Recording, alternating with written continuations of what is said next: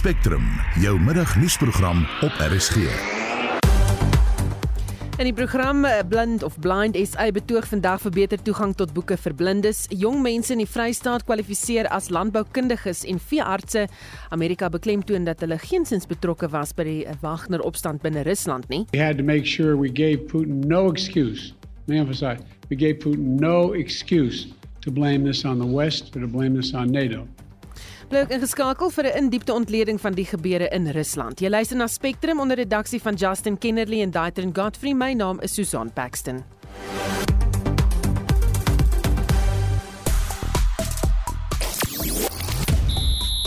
In jou sportnuus, die datums en skedules vir die 2023 Kriket Wêreldbeker in Indië is bekend gemaak.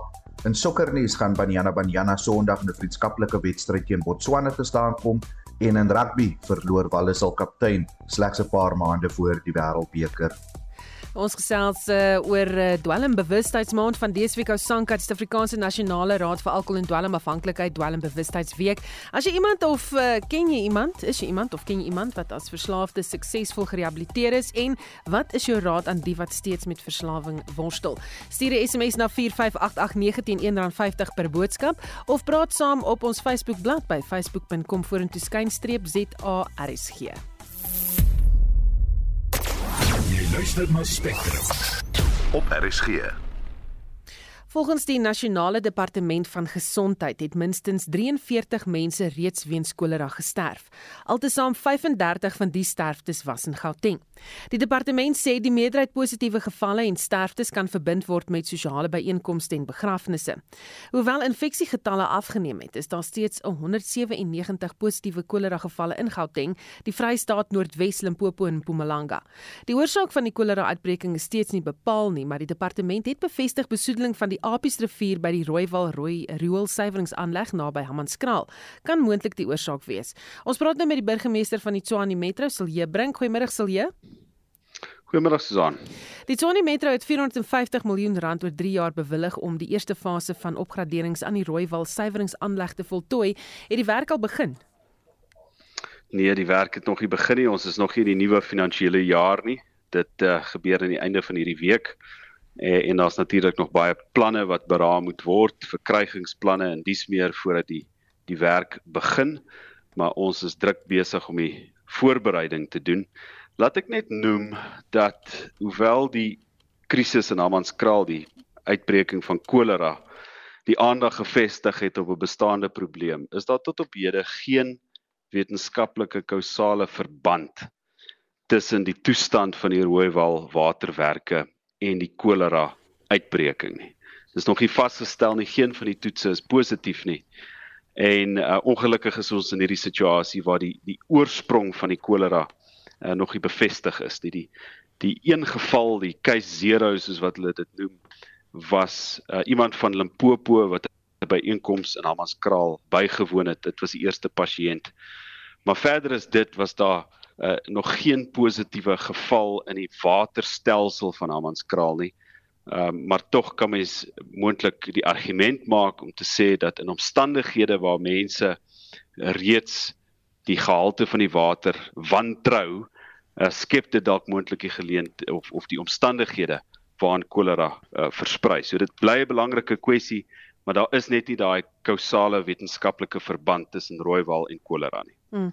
En sê vir my, ehm um, jy weet, hoekom is dit so gesukkel om uit te vind waar presies dit vandaan kom?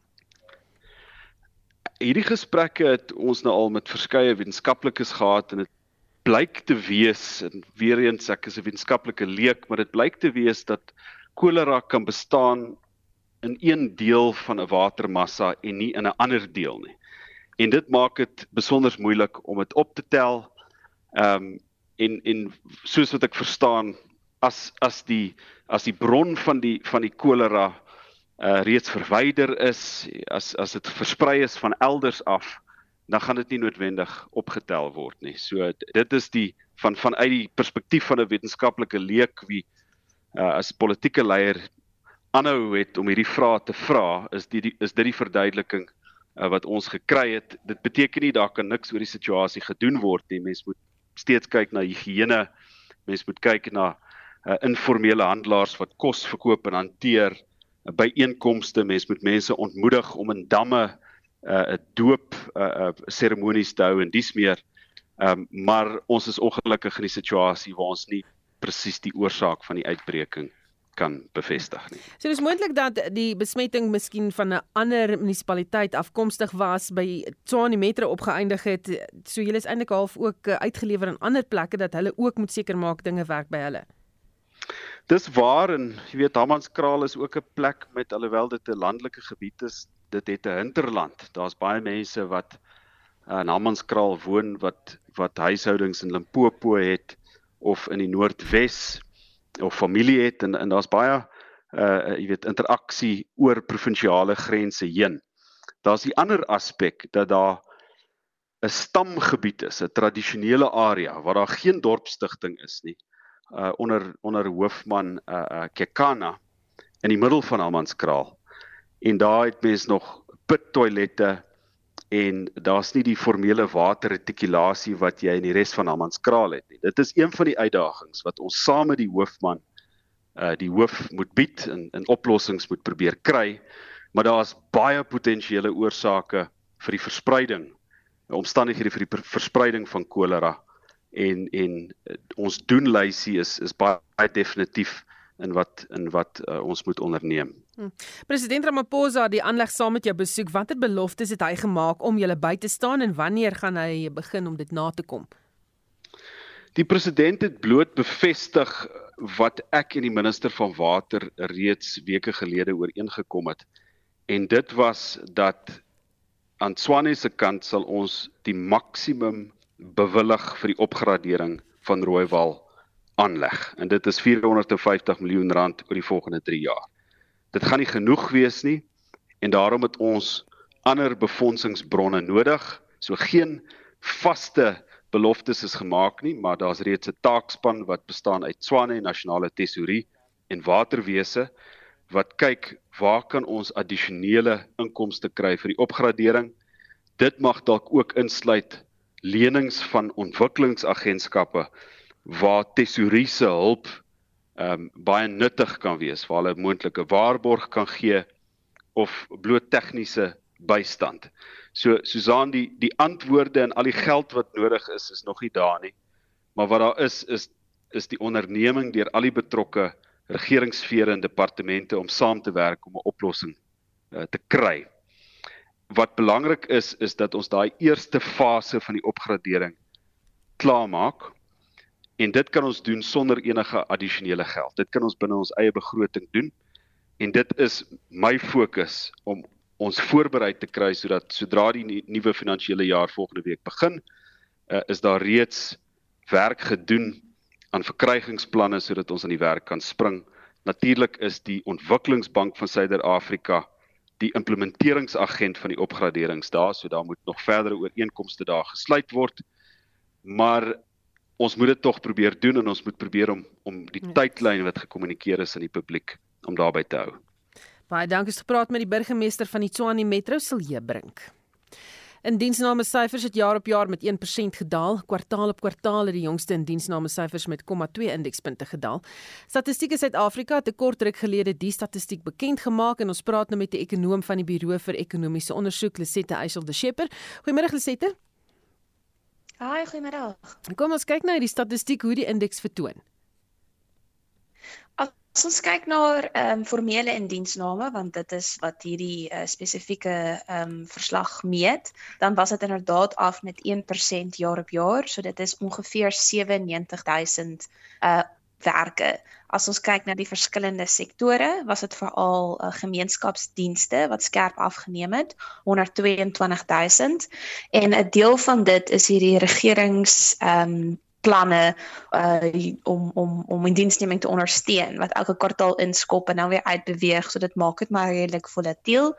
Uh waar ons ook groot verliese gesien het is die konstruksiebedryf waar daar 27000 minder werke was op 'n jaar op jaar basis. Hmm. Enige spesifieke sektore waar die werksgeleenthede verlore geraak het of wat vir jou uitgestaan het? Ek dink buite die gemeenskapsdienste en die konstruksiebedryf was dit ook kommerwekkend om te kyk na die kwartaal en kwartaal dinamika uh waar ons 36000 werke um, minder gesien het in byvoorbeeld die handelssektor. Nou dit kan dalk bietjie seisoonaal wees. Ons weet van die ehm um, kleinhandelaars stel byvoorbeeld meer mense in diens. Restaurante stel soms meer mense in diens oor die oor die Kersfees besige periode en hulle verloor dan weer hulle werk in die eerste kwartaal. Ehm um, maar tog is dit jammer om te sien dat indiensneming afgeneem het in 'n tyd wat ekonomiese groei nie baie nie, maar tog effens toegeneem het. Hmm. So en wat betref die inkomste verdien of selfs salarisse wat mense verdien het, het dit verander? Daar's klomp verskillende maniere uh hoe Statistiek Suid-Afrika dit meet, maar een waar ons kan kyk is byvoorbeeld die gemiddelde maandelikse salaris wat uitbetaal is. Nou dit sluit nou jou landbousektor uit, dit sluit jou informele sektor uit. Ehm um, so dit is kyk net na die formele sektor en daardie gemiddelde salaris uh van ongeveer R26000 in November uh afgeneem na 25300 in Februarie. As ons kyk na 'n jaar op jaar basis, was dit 6.8% op. Maar ons moet onthou inflasie daai tyd was ook omtrent 6.8 as nie bietjie hoër nie. So op 'n eintlike koopkragbasis het die mense nie veel verbeter nie en het jou koopkrag het nie toegeneem nie. Hm. En waarop dui die statistiek wat betref die gesondheid van die ekonomie? Ek dink dit is kommerwekkend om te sien dat die ekonomie ehm um, die grootte van BBP byvoorbeeld is nou terug op voor Covid vlakke. Nie veel nie, maar ons is terug en ons is besig om stadig maar seker te groei van daar af. Maar as ons kyk na hierdie formele indiensname, is ons nog ver van waar ons was voor die tyd. Ehm um, en diensname is nou nog steeds onder 10 miljoen uh formele en diensname minder as 10 miljoen mense het werk in die sektor. Voor Covid was dit meer as 10 miljoen, 10.3 miljoen gewees. So selfs soos die ekonomie nou redelik herstel het, ehm um, is die diensneming nog maar baie agter en stadig. Hmm. Baie dankie. Dit was 'n ekonom van die Buro vir Ekonomiese Ondersoek, Lisette Eichel de Schepper. Blind SA, die nie-regeringsorganisasie wat hom beywer vir die regte vir blinde en swaksiende mense in Suid-Afrika, hou vandag 'n optog in Pretoria om te betoog teen die regering se verset om die Marrakesh-verdrag te bekragtig. Die verdrag wat reeds deur al vier ander BRICS-lande en deur 118 lande internasionaal bekragtig is, verwyder wetlike hindernisse om boeke en ander kopieregbeskermende werke in byvoorbeeld braille te kopieer. Ons praat nou hieroor met die adjunkpresident van Blind SA, Christo de Klerk. Goeiemôre Christo. Middag Susan, middag luisteraars. Klink vir my of jy daar aan die strate is, hoeveel lede neem aan die optog deel? Susan, omtrent ek sou sê 250. En dan is daar meer as 5000 mense wat ons petisie geteken het in in ondersteuning. En aan wie het julle hierdie griefskrif oorhandig? Ons het dit aan vier departemente, dit is aan handel en nywerheid en kompetisie en aan uh justisie korrektiewe dienste dan aan departement van vroue, jeug en persone met gestremthede en ook aan um uh Dirko uh internasionale betrekkinge en en samewerking en ook aan die presidentskap. En wie, kom ons kyk gou weer na julle eise. Wat is dit wat julle wil hê? Ons eis is dat die regering nou die Marrakesh verdrag moet onderteken en dit is vandag die 10de verjaardag van die Marrakesh verdrag. Die Marrakesh verdrag is 10 jaar gelede aanvaar deur uh lidlande van die international in, uh, van die uh, World in, World Intellectual Property Organisasie WIPO.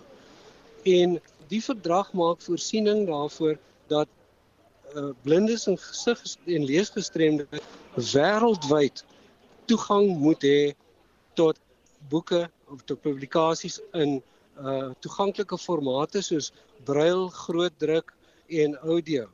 En dit het die regering 10 jaar geneem om niks daaraan te doen nie. Nou is daar enige duidelikheid oor waarom die regering nie die verdrag wil onderteken nie? Het hulle al vir julle gesê nou intussen? Nee, ons hulle het vir ons gesê ons het baie met hulle geskakel. Hulle het gesê die wetlike raamwerk moet eers daar wees wat hulle in in in die posisie sal stel om die verdrag te onderteken. Nou ons het die saak na die grondwetlike hof toe geneem waar ons op 21 September verlede jaar die oorwinning behaal het wat bepaal het dat die ou kopieregwet van uh 1978 ongrondwetlik is en die hof het toe die bewoording gedikteer wat ingelees moet word wat vir ons die kopiereg uitsonderings gee. So dis nie meer nodig vir ons om vir uh, houers van kopiereg plaaslik te bedel vir toestemming om die boeke toeganklik te maak nie, maar dit is net plaaslik. Ons het nou nog nie toegang tot internasionale publikasies wat toeganklik is nie. En in die die ehm um, Marrakesh verdrag gee dit vir ons. Nou wat ons vir die regering nou sê is met die inlees van die bewoording wat die grondwetlike hof voorgestel het wat of wat, wat hulle beveel het wat nou met onmiddellike effek toegepas word. Dit skep nou die regs die regs uh fondasie vir die regering om die verdrag te onderteken. Daar is nou geen rede meer om te sloer daarmee nie. Baie dankie vir gepraat met Christus de Klerk, die adjunkt president van Blind SA. Landbou nuus 40 jong landbougegradueerdes van die Vrystaat word deur die provinsiale departement van landbou bygestaan om vir hul raadseksamens voor te berei. Dis die laaste stap van hulle reis om as landboukundiges en veeartse te kwalifiseer. Die departement bestee van dese maand 10 miljoen rand om die jeug wat reeds by die sektor betrokke is te bemagtig. 176 studente het die geleentheid gehad om oorsee te studeer. 168 van hulle het hul studies voltooi. Een van hulle, Karabo Lebuso, het vroeër met die SAIK gepraat. I got the privilege to go and study abroad. I studied research agronomy. I completed it. I'm a registered uh, agronomist right now. So I'm working at FarmSol. Yes, so I'm a specialist responsible for Free State. Die provinsiale ALR vir landbou, Saki Mokoena, sê dit is belangrik om die jeug te bemagtig om landbou verder te laat groei. Those who went to study outside, who came back with some challenges in relation to the qualifications they acquired and the ability to use them in the country, they need to take some couple examinations so that they are certified, particularly the vets. So we are taking 40 of them to University of Pretoria to undertake a bridging course so that they are ready when they take the certification course, they will be able to go through and uh, pass successfully. They are going to work with various communities that we find in every area in the Free State to empower and force what we call the enhancement of the livestock that we find so that our people can breed livestock that is really ready for the market. Mokoena het in sy begrotingsrede aangekondig dat die departement 34 jeugprojekte teen 'n koste van 55,3 miljoen rand in die 2022-2023 boekjaar ondersteun het. Hierdie verslag van Kamogelo Sekwe in Bloemfontein en ek is Justin Kennedy. Ons bly by jeug in landbou. Toko Didiza, die minister van Landbou, Grondhervorming en Landelike Ontwikkeling, het die landboupublikasie Food from Mzansi en John Deere in die parlement geloof vir hulle werk om 'n nuwe geslag boere te ontwikkel. Didiza het na 'n begrotingsbeleidstoespraak by die Nasionale Raad van Provinsies gesê, die vennote speel 'n deurslaggewende rol in die versekering van voedselsekerheid in Suid-Afrika. Meer as 550 jong boere het verlede week die Mzansi Young Farmers in Durban, Johannesburg bygewoon, wat deur Food from Mzansi in samewerking met met John Deere aangebied is. Ons praat nou met Jaco Beyers, besturende direkteur van John Deere in Afrika en die Midde-Ooste. Goeiemiddag Jaco. Goeiemiddag Susan. Nou dis nie aldag dat 'n mens 'n uh, eh, klop op die skouer in die parlement kry nie. Watter rol speel die jaarlikse Indaba in die bemagtiging van nuwe era boere? Susan vir vir ons by John Deere is dit belangrik om om die suksesstories te vertel van alle boere daar buite en ek dink ons doen nie ek dink ons kan baie beter doen om hy suksesstories daar buite te sit en hierdie Food for Mzansi is 'n great geleentheid om hy boodskap uit te basyn. Ehm um, veral nogal ons het dit gedoen rondom wat was dit 'n jeugdag in die Calabash daar en uh, dit was 'n ongelooflike geleentheid om net net vir vir klein boere nommer 1 te wys hulle is belangrik. Hulle is 'n belangrike segment.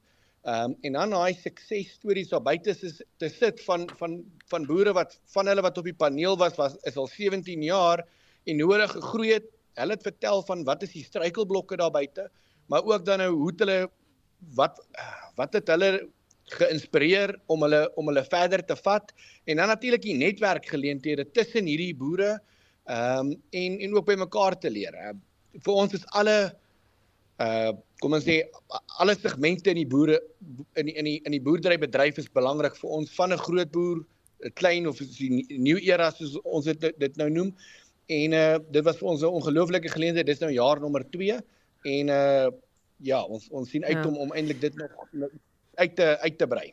Jango die Indaba spesifiek gemik op boere wat die eerste tree tot kommersialisering gee. Hoe kan die integrasie van jong boere in kommersiële landbou werkskepping positief beïnvloed en plaaslike ekonomie stimuleer? Ja, ons dit dis 'n is 'n baie lekker vraag wat jy daar vra Susan en ehm um, ek ek, ek wil eintlik terugvat of of vir die luisteraars, ons het ons het die laaste 8 jaar doen ons nou al in Ethiopië doen ons nou al uh, werk met met met boere en ons kom dit noem gemeenskaplike grond of tribal land soos soos soos die Engels die Engelsman dit sal noem.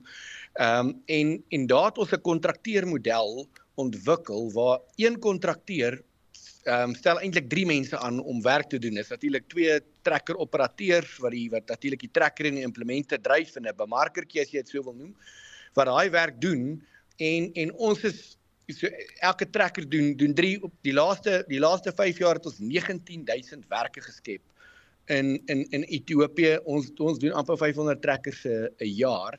En ons gesê as dit daar kan doen hoekom kan ons dit nie in ons tuisland doen hier in Suid-Afrika nie? Ons is nou in 'n in 'n paar projekte besig veral in die in die Oos-Kaap baie baie uh ehm um, trustgrond of of tribal land. En en en dit is 'n ongelooflike geleentheid en ons sien 'n groot geleentheid vir ons kleinboer, nie almal kan 'n trekker bekostig nie, maar hulle kan hom amper huur per uur om om om werk te doen in 'n groot nuwe besigheidsgeleentheid vir die entrepreneur, maar dan ook 'n groot geleentheid om om om werk te skep vir vir die ehm um, vir die gemeenskap buite. In jou ervaring, wat is van die sleuteluitdagings eh, vir jong boere tans? Gits, dit is van finansiering, kennis en vaardighede. Daai daai is al alles belangrike elemente en ek dink dit is hoekom ons in elke segment is belangrik om seker te maak ons kan ons sit die boer op vir sukses en en uh van ons kant af het ons John Deere Financial wat wat vir ons 'n modelle werk en hierdie kontrakteermodel wat ek nou vroeër genoem het is 'n spesifieke gedeelte wat ons uitbou juis om om om om om finansiering daar te kan skep.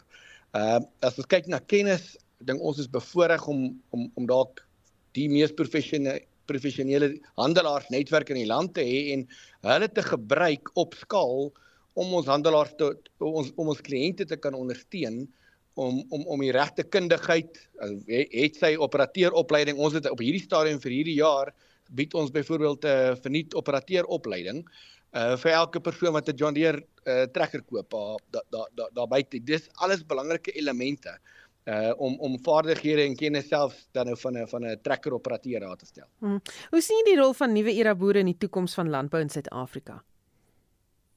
Gits, ek dink dis 'n dis 'n baie belangrike element. Ehm um, dis dis jy dis hoekom jy ons Food from Zanzi gesponsor het is is om nie net te sê ons praat nie, maar ons doen ook. Ehm um, en en as ons net gaan kyk op die op op hierdie kommunale grond, hoe groot areas dit vat en en en en hoeveel dis dis ongelooflik is amper 85% van hierdie grond lê net daar. As ons op dit gefokus kan kry, kan ons 'n enorme uh suksesstorie doen, maar maar dan ook die gewone klein boere om te sien hoe hulle gegroei het hier op Food Farm Zanzibar, daai 500 boere, die passie wat ek daar gesien het.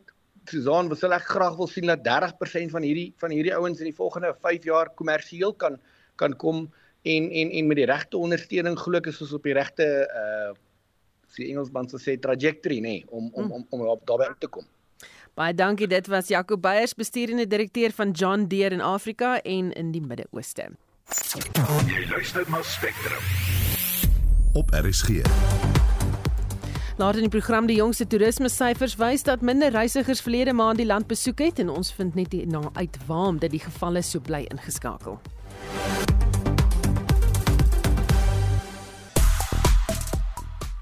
Nou ons gesels oor 'n klomp interessante dinge, lyk like dit vir my en uh, mense wat reaksie daarop. Iemand wat sê die Samuel Walters wat sê dit uh, by ons reën dit baie hard en die Voelvlei dam is amper 70% vol, is natuurlik baie goeie nuus.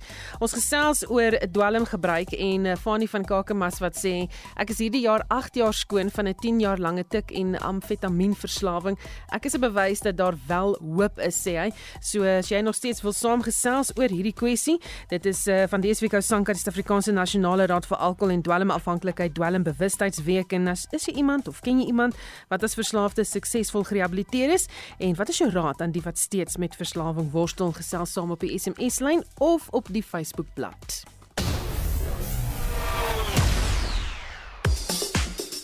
Vir ons sportnuus sluit Jody Hendriks nou by ons aan. Goeiemiddag. Ek begin die verslag met cricketnuus en die internasionale cricketraad het vroeër vandag die datums en skedules vir die 2023 cricket wêreldbeker wat later vanjaar in Indië plaasvind bekend gemaak. Die toernooi sal op 5 Oktober begin met die eindstryd wat op 19 November gespeel sal word. Die Proteas het 'n paar moeilike wedstryde.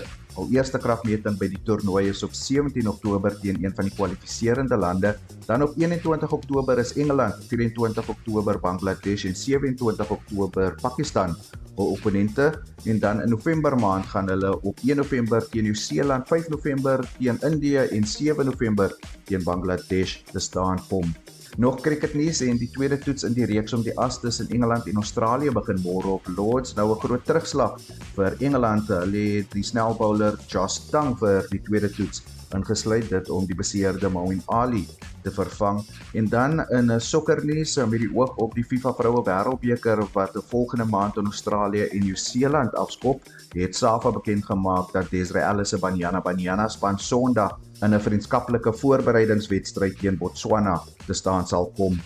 Nou 'n paar rugbybrokkies en 'n groot terugslag vir Wallis met hul kaptein Ken Owens wat met 'n rugbesering sukkel en heel waarskynlik die rugby wêreldbeker in Frankryk later vanjaar gaan misloop en dan het die Bulls en die Springbok vleuels Point Forsie se paie ook geskei. Dit na verskeie kwessies op en van die veld af nou volgens media berigte is daar belangstelling uit Japan vir sy dienste en ook moontlik die Stormers in die Kaap wat hom na die span wil lok. En dan ook nuus uit die All Black kamp is dat die senter Anton Lennard Brown die eerste 2 weke van die rugby kampioenskap gaan misloop. Laastens golfnuus en Christo Lambreg het 'n sege by die amateur kampioenskap die naweek behaal en hy sê vir hom was dit 'n loopbaan hoogtepunt. Ja, ek sien vir my hoofdoel hierdie jaar om in 'n major championship te speel en ek kan nie meer gelukkig wees om in 3 te speel nie. Ja, hy's 'n obviously een van die beste amateure in Suid-Afrika en hy het net pro gedraai ook. Maar ja, dit is vir my 'n regwaarde gelooflike experience en ek kan nie wag om dit om dit aan te vat nie. Dis definitief nog ons amazing. Ek gaan nie lieg nie. Ons gaan dalk 'n 3 keer in 'n ry weer maak. Maar ja, dis uh, dis nog ons amazing. Is Suid-Afrikaanse golf is in 'n goeie plek. En ja, dis cool. Bou die tradisie. Ek weet nie, ek kan nie nog heeltemal om my kop kry nie, maar ehm um, ek is so ja, net gelukkig. Ek kan nie kan dit vertel nie. Um, ek so happy, ja. Dit dan die golfspeler Christo Lamprecht en ek is Jody Hendriks vir RSG Sport. Spectrum, jou middagnuusprogram op RSG. Dis nou 12:37. Die Wagner groep onder leiding van Yevgeny Prigozhin het Saterdag in reaksie op 'n lugaanval op een van hulle basisse met 26000 swaar bewapende soldate twee suidelike stede in Rusland beset. Daarna het hulle in die rigting van Moskou opgeruk. Die situasie is ontlont toe die Russiese regering en Prigozhin met die bemiddeling van die Belarusiese president Alexander Lukasjenko 'n ooreenkoms bereik het. Intussen het Rusland se president Vladimir Putin skerp op die Wagner groep se aanval gereageer. Ons praat nou hieroor met Jaco Kleinhans, die hoof van Solidariteit se afdeling vir internasionale betrekkinge. Goeiemôre Jaco. Goeiemiddag Susan. Nou die voormaligste Afrikaanse president Thabo Mbeki sê die Wagner groep se poging tot opstand gaan nie slaag nie. Mbeki wat tydens die apartheidsera militêre opleiding in die USSR ontvang het, sê Prigozhin se optrede het die ambisie van iemand wat die land wil regeer ontbloot en hy sê sonder die ondersteuning van die weermag sou Prigozhin se poging altyd 'n swak uitkoms gehad het. Kom ons luister gou. I didn't take it seriously because I, my sense was that this was a hopeless venture on the part of whoever was responsible in the, in the Wagner group, that whatever they were trying to do was not going to succeed because it was not going to be supported by the Russian army as a whole or the population. It won't get any support in the country. And there's no way that the Wagner group on its own could have produced any meaningful change. In Russia, it couldn't. Nou jou hierop.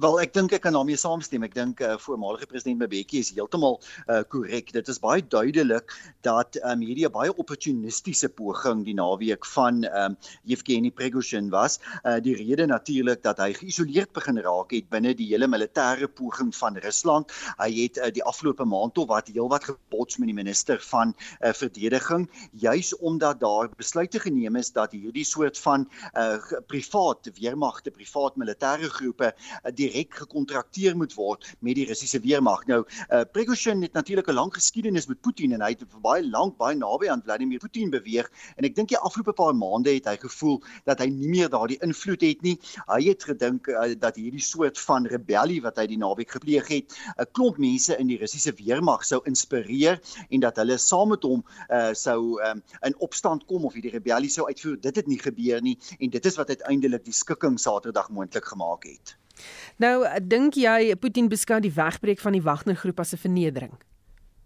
Ek dink tog in 'n mate so en as mens net kyk na wat Vladimir Putin op die oomblik doen terwyl ons nou hier gesels, is hulle besig om buite die Kremlin in Moskou voor te berei vir 'n groot toespraak wat hy later vanmiddag gaan lewer aan soldate. Lyk my dit gaan 'n redelike uitspattige geleentheid wees en dit nou nadat hy die afgelope 48 uur twee keer op nasionale televisie in Rusland ook die Russiese burgers toegespreek het. So Vladimir Putin wat baie duidelik um, die persepsies oor wat die naweek gebeur het het um wil probeer beïnvloed, wil probeer raak. Hy wil baie duidelik dit in 'n sekere rigting stuur en ek dink vir hom is die belangrikste dat Russe moet dink dat hy volledig in beheer van die situasie was, dat hy nooit bekommerd was dat daar werklik waar 'n suksesvolle opstand sou kon deurgevoer word nie um en dat hy daardie boodskap wil oordra. Maar ja, wel in 'n tyd waar daar baie twyfel is oor Rusland se sukses in Oekraïne, um uh, moet hier definitief voortspruitend hier uit heelwat verhaal ontstaan oor uh oor Putin se mate waartoe hy nog werklik waar in beheer is van die Russiese regering. Prigozhin het in 'n stemboodskap op sosiale media aan sy ondersteuners gesê hy het geen staatsgreep beplan nie, maar is daar 'n versteekte boodskap hier?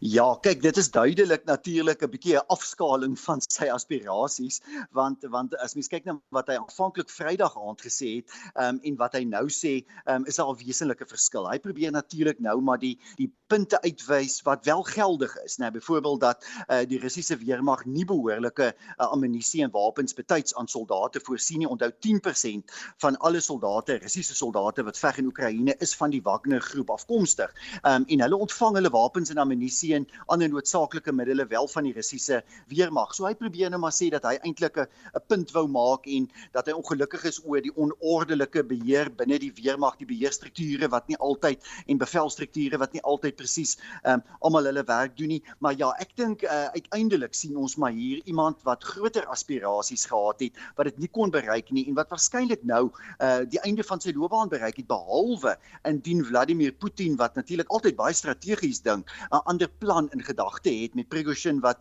wat die soort mense is, hy het 'n misdadige agtergrond en wat altyd die soort mense is wat bereid sal wees om om om weer een of ander werk met sy huursoldate te doen.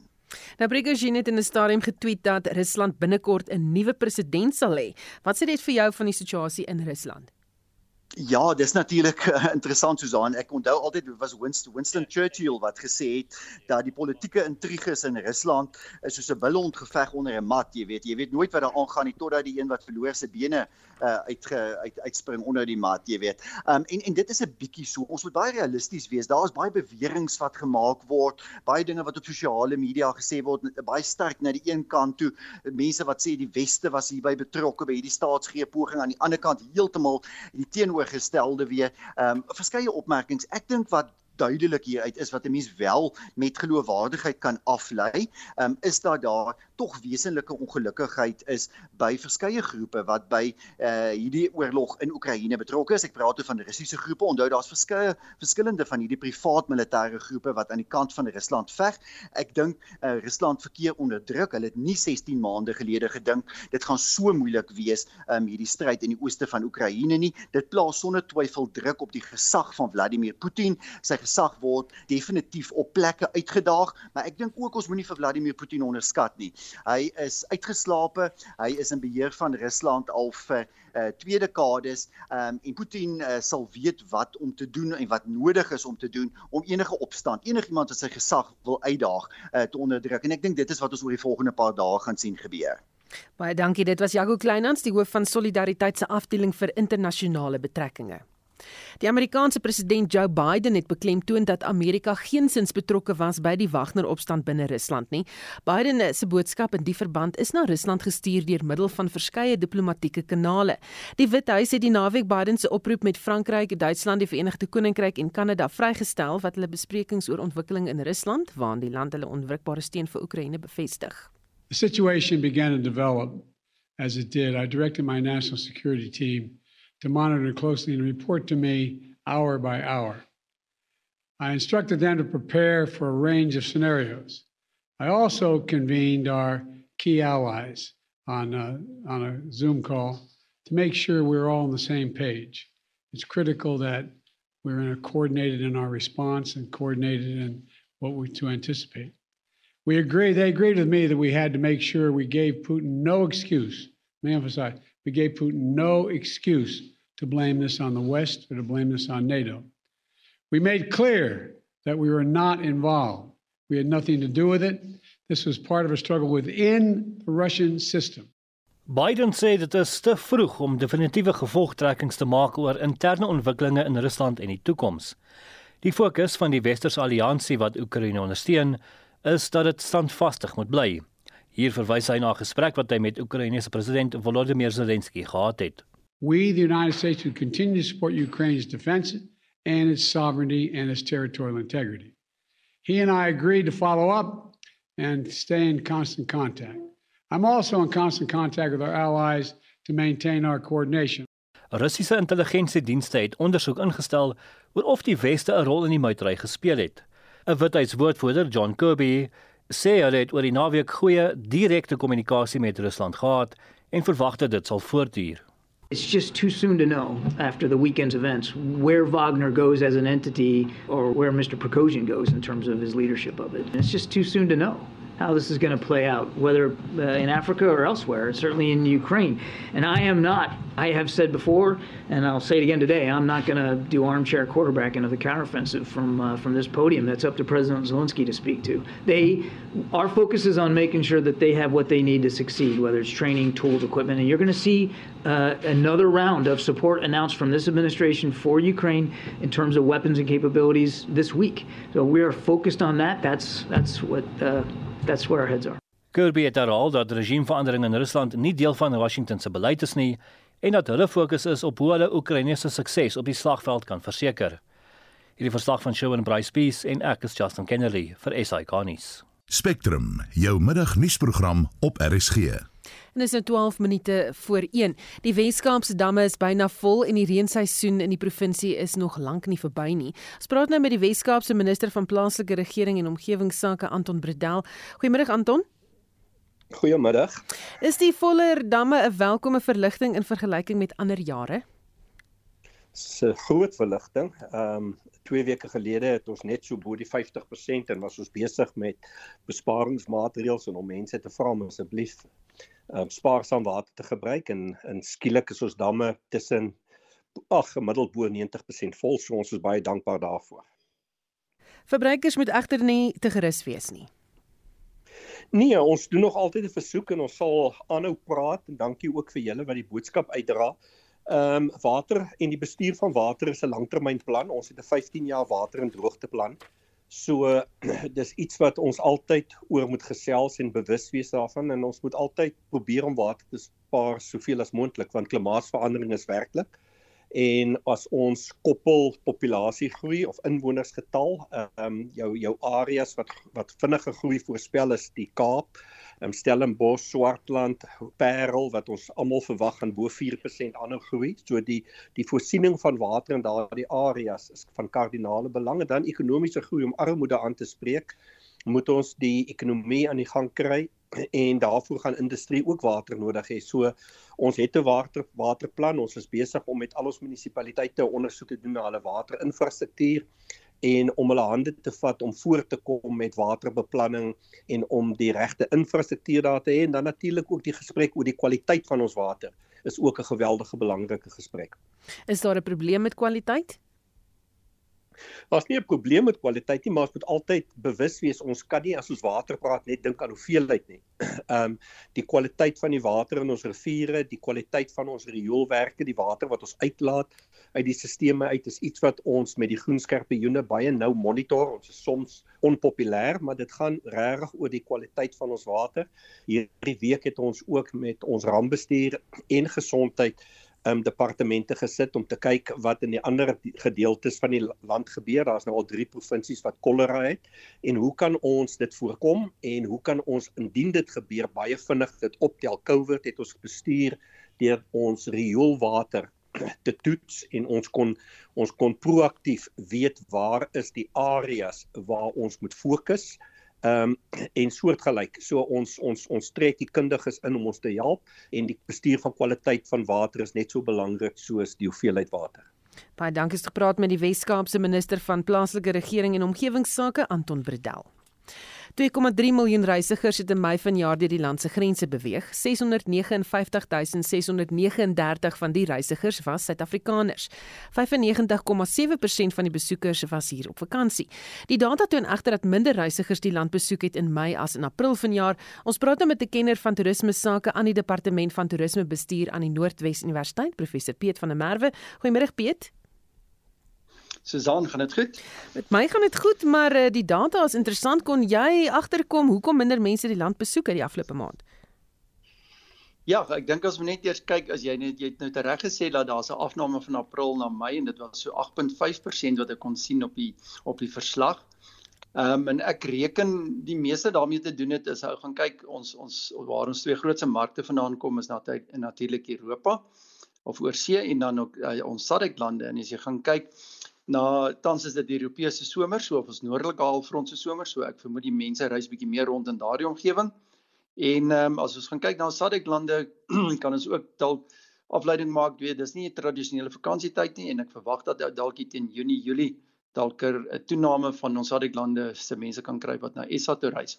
Maar wat ek wil bysê wat vir my baie belangrik is, jy het nou gesê daar's 'n afname, maar tog sou ek mooi kyk na die data as ons kyk van verlede jaar Mei ehm um, 2022 tot nou uh Mei 2023 is daar 56% groei gewees. Hm. Wat vir my baie goeie nuus is, dit wys dat ons jaar op jaar dat die toerisme maar besig is om te groei. Die getalle toeriste getalle besig is om te groei. Daar's wat ons kan doen. Hm. Ja. Nee nee, ek kom net sê ek ek, ek dink om om by die uh, pre-COVID getalle uit te kom, jy weet wat wat beïnvloed dit in die wêreld? Is maar politieke omstandighede tans in die wêreld. Ehm um, ek dink ons ons kort nog heelwat vlugte uh, van verskillende lande na SA toe en ook die kostes van vlugte het baie hoog geraak na SA toe. Ja, selfs om bekostigbaar om te vlieg binne in die land. Sê vir my, ehm um, daar's interessante metodiek gebruik om bietjie te kyk hoe lyk hierdie toeriste. Uh watse reismetodes het die meeste van die reisigers gebruik en van waar het hulle gekom na Suid-Afrika? Ja, soos ek nou net gesê het, ons meeste skielik op meeste van ons reisigers was van die SADC lande af. Dit was so 77% van daardie getal wat jy genoem het. Ehm um, en obviously het hulle meeste van hulle padvoer gebruik want uh, hulle is meeste van hulle is van Zimbabwe, Mosambiek en Lesotho. So dis sommer maklik vir hulle om te ry per pad vervoer na Suid-Afrika toe. En dan die tweede ehm um, getal daarso was lugvervoer. Dit was 21% en dit is nou obviously van die ouens van van van die internasionale mark wat gereis het van oorsee af na ons toe.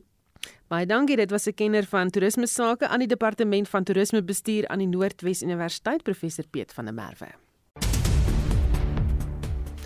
En uh, dan is Estie het vir ons die jongste nuus en ontwikkelende stories dopgehou. Ons begin met nuus uit Afrika. Sierra Leone se verkiesingskommissie sê president Julius Maada Bio loop voor in die stryd om weer die president van die land te word.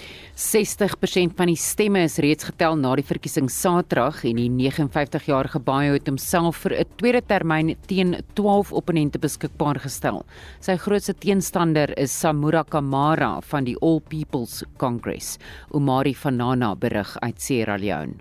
In the eyes of the opposition and their supporters, this will be a surprise. But it is fair to say that in the lead up to the elections, the ruling party struck a, a lot of deal with some very crucial tiebreakers, particularly in the swing district of Connaught. They also were able to forge alliances with some people in the opposition stronghold district Nou die eThekwini munisipaliteit kan moontlik sewe strande in Durban wat weens hoë E. coli vlakke gesluit was heropen. Die strande is gesluit nadat E. coli in die water gevind is nadat 'n pompstasie gebreek het en dit het strande in Umhlanga, Umhluti, Westbrook, Warner, Brans Reunion en Winkelspruit geraak. Die munisipaliteit het gister die water getoets en dit was skoon, maar dit sal weer vandag getoets word en so sê die woordvoerder Lindiwe Guswayo. We had a pump that malfunctioned, but that pump was replaced on Friday. So those beaches have begun to clear. We sampled on Sunday. Those results came back yesterday clear. We are going to sample again today just to be doubly sure that those beaches are clear. If those results come back today clear, those beaches will be open, all of them today. Die kommissaris van die Suid-Afrikaanse Inkomste Diens, Edward Kieswetter, is die naweek in België as die voorsitter van die Wêrelddouane Organisasie verkies. Kieswetter sê dit is 'n interregeringsorganisasie vir douane-aangeleenthede wêreldwyd.